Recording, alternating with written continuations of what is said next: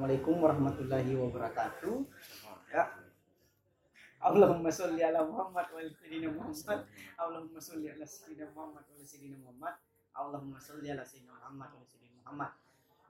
Salawat dan salam kita panjatkan ke hadirat Allah Subhanahu wa taala dan kepada tentunya junjungan kita Nabi Muhammad SAW yang telah membawa kita uh, meneguh nikmatnya Islam gitu sehingga uh, kita kemudian bertanya-tanya kata Usmi.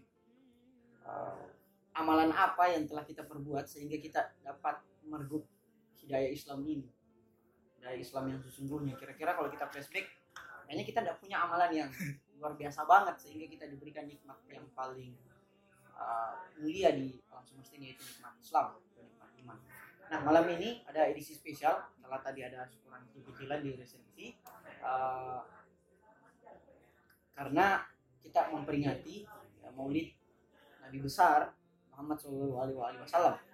Nah, sehingga tema yang kita sebar di player itu adalah literasi kehidupan Nabi Muhammad SAW. Nah, saya informasikan juga kepada teman-teman untuk yang mau dapatkan buku membangun generasi literasi silahkan ke resensi kopi atau CTM IG aja. Atau kalau teman-teman juga mau beli buku-buku lainnya, baik itu buku terbitan resensi atau resensi bookstore silakan. Dan diingatkan pula untuk pengiriman resensi video akan kita upload mulai per besok malam jam 12 jadi audio terakhir itu mestinya besok. Iya. bagian kok gitu banget? Iya. Eh, bagian terlambat uh, uh, Ismin hangus ya. Hari Sabtu itu udah hangus. Karena uh, kita ini dikejar deadline. Ada beberapa target-target. Apalagi bulan 12 bulan 11 nanti sudah ada literasi kesehatan sehingga literasi keuangan sudah harus kita Akhiri. uh, selesaikan akhiri gitu tutup buku pada tanggal 2 November itu sudah berapa video Bar? Sudah ada Sebuan? 10. berarti sisa 15 Masih ya? ada lagi.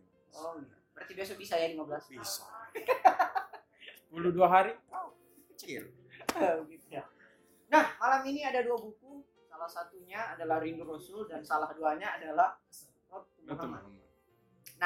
Rindu Rasul ini flashback dulu ya dikit. Dulu ketika saya maba 2009 di Fakultas Hukum Unhas, saya pernah baca ini. Iya. Dan saya sudah diingatkan memang oleh senior saya. Nama senior saya itu Muhammad Rizal Rustam, sekarang lawyer di Jakarta. Kalau baca buku ini Dinda, uh, tutup kamar, kunci dan selesaikan. Rindu Rasul. Ya, Rindu Rasul. Bukan. Rindu Rasul. Oh. Apa ya? Ternyata Ada hal. buku ini sangat menyedihkan gitu jadi memang harus tutup kamar kita gitu kalau kita tidak dilihat menangis. Karena di dalamnya itu muat kisah-kisah yang mana membuat kita ya seperti judulnya merindukan Rasul. Sehingga dia mengutip lagunya Bimbo ya. Bahwa rindu kami padamu ya Rasul rindu tiada terkira. Berabad jarak darimu ya Rasul. Apa lanjutannya? Saya ya. nah ini pokoknya buku ini keren lah gitu dari puluhan bukunya Kan Jalal subjektivitas saya ini masuk lima besar Rasul. Kalau Road to Muhammad sendiri itu ya serpihan pemikiran sama sih dengan itu serpihan pemikiran serpihan tulisan jarang sih Kan Jalal nulis buku yang specifically terstruktur dia itu kebanyakan kumpulan esai aja tapi kumpulan esainya pun itu sudah bagus Bagus memang kalau dia bukunya. terstruktur. Buku teksnya contoh yang saya bilang tersistemasi itu psikologi komunikasi, belajar cerdas, misteri wasiat Nabi. Rata-rata hasil disertasi tesis ataupun skripsi itu yang menjadi buku yang tersusun secara sistematis. Selebihnya itu antologi tulisannya aja di, di media-media yang tersebar. Nah, seperti biasa Bung, ini ada 15 15 15, 15 menit untuk Bung Albar, 15 menit untuk sesi kedua dan 15 menit untuk tanya jawab. Untuk mengefisiensikan waktu, monggo Mas Albar. Si revenge. Iya. Revenge kali ya. Oke. Oke, bismillahirrahmanirrahim. Assalamualaikum warahmatullahi wabarakatuh. Bismillahirrahmanirrahim. Seperti biasa, seperti katanya Kancak, ya kita ini adalah manusia sebutuhnya. ya. Kita biasa kalau eh, tentang peringatan Hari Nabi besar Muhammad SAW ini, ya kita jor-joran di situ aja.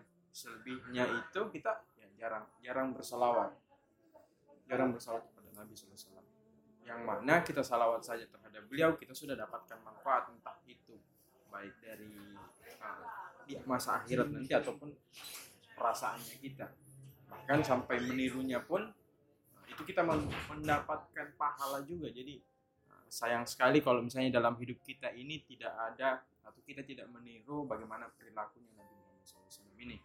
Nah, jadi ini juga rujukan kalau misalnya teman-teman bilang "Eh, saya tidak punya uh, tujuan hidup. Saya saya tidak punya orang yang bisa saya ikuti. Banyak. Kalau tujuan utama kita untuk meniru misalnya Nabi Muhammad yang mana uh, setiap gerak geriknya saja itu mendapatkan pahala. Jadi hal-hal yang dilakukannya juga pun punya manfaat kesehatan dan segala macam. Oke next. Nah untuk info teman-teman juga jadi ini adalah buku one sitting book. Saya direkomendasikan juga. Sebelum sebelum baca buku ini kita diskusi lama sama tonton tentang banyak sejarah-sejarah yang untold story kalau kalau kalau Ustadz Miftah bilang. Seja- sejarah-sejarah yang mana jarang orang ketahui. Nah, apa itu sejarahnya silakan teman-teman cari aja di situ. Jadi ini untuk membuat teman-teman antusias juga untuk membaca buku ini. Dan jangan langsung ambil perspektif "Oh, buku ini sesat segala macam. Kita harus terbuka terhadap pengetahuan yang ada.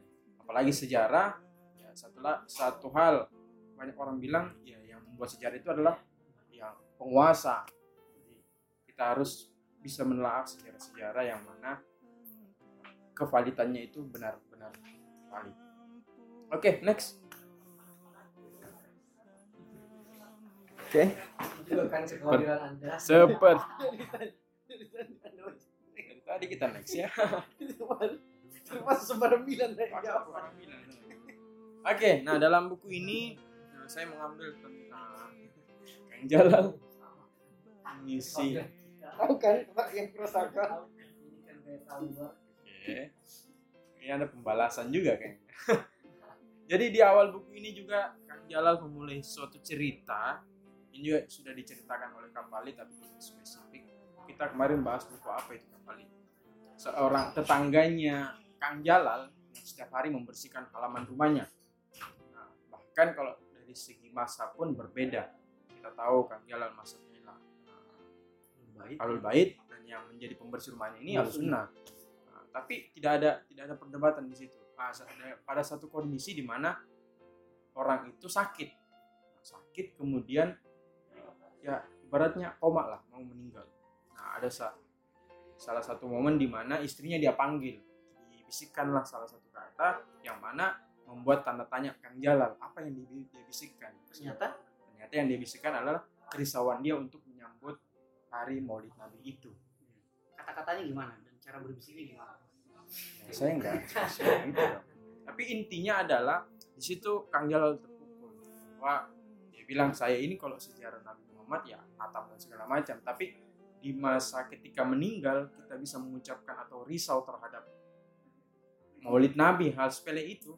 Wah, ada something yang selalu dia lakukan. Meskipun kalau kita lihat bukan cuma itu salah satu upayanya mungkin menyambut ya kita sambut aja terus misalnya. Pasti ada hal yang lain tapi namanya orang mau meninggal kan dia sesuai dengan apa yang dia lakukan. Bagaimana caranya kita untuk bisa menyebut kata nabi di akhir hayat kita itu itu yang membuat terpukul uh, Kang Jalal. Cara mati kita ditentukan oleh cara hidup kita. iya. Ini harus makanya dalam setiap perilaku kita kita landasi juga dengan tujuan lillahi ta'ala dan uh, sifat-sifat nabi itu kita selalu laksanakan juga nah jadi dalam buku ini hmm, Kang Jalal membuat pembahasan tentang mengukur kecintaan kita terhadap Nabi Muhammad SAW. Jadi ada ada lima kurang lebih. Pertama itu cinta itu harus ditandai dengan ketulusan. Nah jadi dalam lima hal aspek ini tidak spesifik terhadap masa di mana Rasulullah masih hidup. Jadi spesifik dia menjelaskan bagaimana kecintaan para sahabatnya.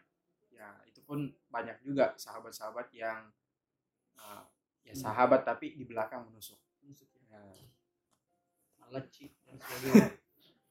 Nah, jadi pada masa itu sahabat-sahabat itu uh, mencintai Rasulullah ditandai dengan ketulusan, kejujuran dan kesetiaan. Kemudian pengutamaan juga kehendak Rasulullah di atas kehendak-kehendak yang lain. Jadi para sahabat itu tidak bisa uh, mengatas uh, kehendaknya dulu. Kalau ada kemauannya Rasulullah, dia selalu utamakan. bahkan pada satu kondisi di mana uh, Rasulullah meminta Sayyidina Ali untuk maukah kau menggantikan saya di tempat tidur yang mana pada saat itu dia tahu dia mau dibunuh tapi Sayyidina Ali juga tahu kalau Nabi Muhammad itu mau dibunuh Jawaban Imam Ali itu apa? dia bilang ya saya pokoknya bersedia sebelumnya dia bilang kan gini. Uh, Ini menarik ya. Dia Iya, iya. bilang begini bahwa apakah dengan menggantikan ya. perjuangan Islam itu semakin panjang? Uh. Kurang lebih kayak gitu. Iya, Iya, iya. Oke, saya rela. Atau apakah dengan perjuangan apakah dengan menggantikan hidupmu akan terselamatkan? Iya. Dan iya, dia rela menggantikan. Ngeri juga sih Juga It- Iya. itu itu itu bentuk kecintaan sahabat ya kita ini apalah kita kita kita lebih cinta terhadap hal-hal yang lain pada pacar Lu ada yang lebih cinta pada pacar dibandingkan Rasul, Pak? ya enggak sih apa itu pacar enggak ada Awas, say. ya enggak ada memang Oh, enggak. Ya putus kan? Jadi- nah bahkan dikasih di satu kondisi uh, banyak sahabat-sahabat yang tidak mau berpisah atau jauh dari Rasulullah ada salah satu uh, juga kondisi di mana Rasulullah ingin berperang ada salah satu anak muda yang ingin ikut nah di situ Rasulullah bilang ada uh, perjuangan lain atau ada uh, apa namanya jihad lain. jihad yang lain Ya, itu selain berkhidmat Nah, itu saking dia mau terus bersama Rasulullah itu. Bagaimana bagaimana kondisi kita sekarang kalau mungkin ada Rasul kita mungkin kumpul ke sana semua. Itu itu kecintaannya. Misalkan jangan kumpul kebo ya. Nah, lagi tuh. Oh, beda. Tapi kalau kita kumpul kebo dengan Nabi Muhammad mungkin beda. Oh, beda. Nah, kemudian ini tadi kesediaan untuk memberikan apa yang paling berharga yang dimilikinya yang di yang diinisiasikan atau yang dilakukan uh, oleh Sayyidina Ali yang rela menggantikan beliau yang pada saat itu ingin dibunuh. Yang terakhir adalah berusaha memelihara dan mempertahankan kecintaannya. Nah, ditutup dengan uh, salah satu hadis yang Rasulullah katakan bahwa tidak beriman salah seorang di antara kamu sebelum aku lebih dicintainya daripada anaknya, daripada orang tuanya dan semua manusia. Nah, kita ini jangankan itu kalau dihadapkan ini saking saking lucunya hidup kita. Oh, iya, iya. Nah, kita kan sering menentukan diri sendiri karena kita kesian terhadap diri kita. Iya, iya. Saking habisnya air mata, jadi kita ketawa aja. Oh, menarik juga argumentasi. Iya, iya. Jadi- ya. Kalau eh, kembali dulu, Paling melampaui mulai imam. mulai visioner ya. Kayaknya jadi Yuval. Oke. nah, jadi jangankan mungkin terhadap pacar atau mungkin ke orang tua aja. Kita pasti lebih mendahulukan orang tua kita. Nah, kita satu hal yang mungkin tidak bisa lepas dari kita kecintaan kita masih terhadap orang tua itu lebih utama. Tapi kata Rasulullah itu itu tadi kita tidak akan beriman nah, apalagi salah seorang di antara kita itu mendahulukan yang Nabi dulu se- sebelum yang lain. Nah, baru next. Sebelum di next ya, saya mau tanya sebelum saya lupa. Presiden untuk memberikan memberikan apa, yang paling berharga yang dimiliki untuk Rasulullah. Kira-kira apa yang paling berharga pada diri Anda yang Anda sebenarnya rela memberikan itu kepada Rasul? Nyawa. Itulah, itu, Ya, itu ya yang paling berharga. atau ya nyawa dalam artian itu tadi seperti apa yang Sayyidina Ali katakan bahwa kalau dengan saya sumbangkan nyawaku itu ada dampak Kira-kira, besar. Itu Anda juga mau menyumbangkan nyawa Anda. kita harus pada tahap itu dan untuk pada tahap itu sulit Dari tiga ambil pisau ya. Oke, kita pisah pisawan. Nah, tetapi kan itu tadi eh, lima aspek itu yang bisa diikuti cuma para sahabatnya aja. Jadi kita nggak bisa ikuti karena Nabi dalam hal ini sudah meninggal. Jadi kita tidak bisa melakukan apa yang eh, para sahabat lakukan kecintaannya terhadap itu. Nah, ini menariknya buku Kang Jalal. Dia tidak eh, agama sentris terus. Dia eh, apa ya kaitkan dengan buku-buku barat yang mana uh, relevan tentang pembahasan ini. Jadi dia kutip atau dia masukkan tentang uh, apa yang Herbert Kelman ini seorang psikolog. Jadi ada tiga macam pengaruh dari se- seorang kepada orang lain. Jadi ada tiga. Pertama itu ketundukan. Nah ini adalah salah satu aspek yang paling terendah. Ini biasanya pekerja. Jadi kepatuhan itu terjadi karena khawatir misalnya dia tidak misalnya tidak dapat upah dan segala macam. Itu itu adalah upaya hmm, kecintaan seorang itu kecintaan yang paling rendah dia dia misalnya kita baik terhadap orang karena memang ada maunya kalau dia tidak baik dia tidak dapat apa yang dia mau. Kemudian adalah internalisasi. Jadi orang yang mengikuti karena ia yakin kita ini benar misalnya dokter kita pasti ikuti karena dia uh, salah pakar yang harus kita ikuti untuk kesehatan kita. Itu internal internalisasi. Nah yang terakhir adalah identifikasi. Ini adalah hal yang paling tinggi yang di mana kita meneladani karena mereka bisa membentuk identitas kita dan bisa menisbahkan diri kita kepada itu. Saya seorang anak, contoh-contohnya ya, yang mengikuti uh, orang tuanya. Karena orang tuanya anggaplah dia baik. Atau dia cinta kepada orang tuanya. Karena kita pasti mencintai atau kita pasti cinta ketika kita mencintai seseorang maka semua perilakunya itu akan kita lakukan. Kita tiru. diperbaiki kosa katanya supaya teman-teman live IG atau di studio lebih paham? Orang menilai kita karena mereka membentuk identitas dirinya dan menisbahkan dirinya kepada kita. Kira ada padanan kata yang lain atau gimana? Uh, dia meniru meniru. Nah itu ibarat seperti seorang anak-anak meniru orang tuanya yang berlandaskan cinta. Karena kita tidak mungkin meniru seorang karena kita tidak cinta. Jadi kebanyakan kalau kita cinta misalnya kita, kita cinta kepada Nabi semua perilakunya semua gerak-geriknya cara berpakaiannya cara berperilakunya kita akan ikuti. Nah ditutup juga dengan apa yang uh, Rasulullah katakan man ahbab tak kalau nggak salah kita akan selalu bersama orang yang kita cintai secara psikologis dan spiritual nah bahkan uh, Kang Jalal itu setiap dalam bukunya selalu mengaitkan tentang akhirat bahwa di, di akhirat nanti kita akan dikumpulkan bersama orang-orang yang yang kita cintai.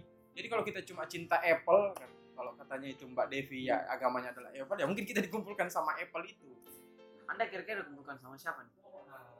Ya kita dikumpulkan dengan Nabi Muhammad. Insya Allah. Karena kan kita butuh syafaatnya. Kita ini terlalu banyak meminta hak tapi kewajiban kurang. Adil ya. Tidak adil.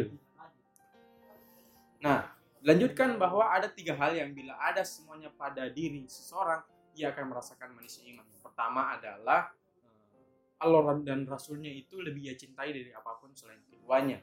Kemudian yang kedua, ia mencintai orang semata-mata karena Allah. Dan yang ketiga, ia benci untuk kembali kepada kekafiran setelah Allah Subhanahu wa taala menyelamatkannya, seperti ia benci untuk dilemparkan ke dalam api neraka. Dan yang paling mempesona imannya ialah mereka yang tiba setelah aku tiada dan membenarkanku tanpa pernah melihat pria itu ya kita ini. Kita ini ibaratnya tidak pernah melihat Nabi tapi kita selalu melakukan maulid Nabi dan segala macam. Justru ya, sahabat-sahabat heran bagaimana caranya orang-orang setelah engkau meninggal ini mencintaimu. Tapi justru menjadi umat uh, umat terbaikmu. Iya justru menjadi umat terbaik. Tapi bukan berarti kita merasa yang terbaik karena bisa jadi kita nggak cinta dalam artian cinta hanya dalam kata-kata aja nggak ada perilaku dan segala macam.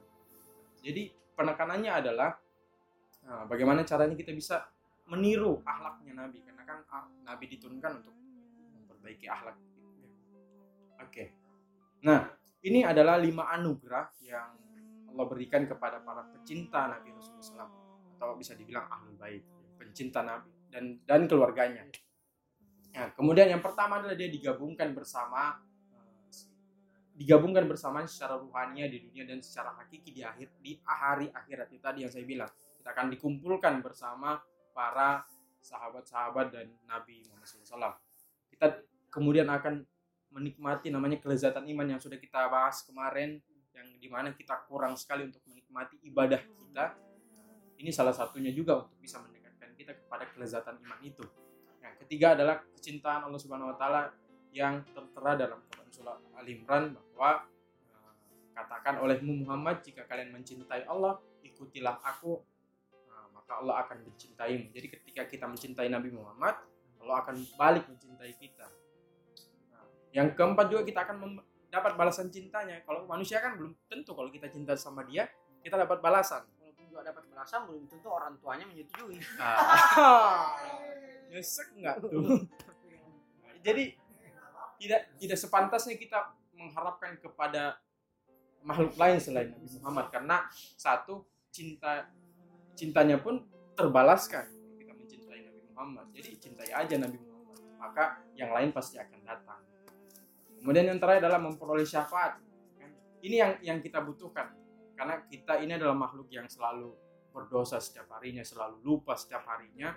Yang mana kita butuh pertolongan nabi yaitu syafaatnya. Ada juga perdebatan tentang syafaat ini. Ini bahwa di bab-bab terakhir ya. iya uh, babak terakhir. Perdebatan tentang ya nabi nggak memberi syafaat segala macam. Tapi itu katanya Tuhan. uh, yang memberi syafaat itu Tuhan. Tapi uh, di sini optimis dari Kang Jalal untuk memberikan argumentasi bahwa uh, yang kita butuhkan adalah syafaat dari Nabi Muhammad SAW ini.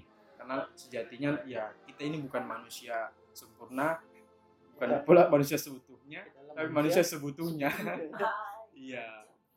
Nah, jadi mungkin itu eh, singkat eh, apa yang ada dalam buku ini yang coba saya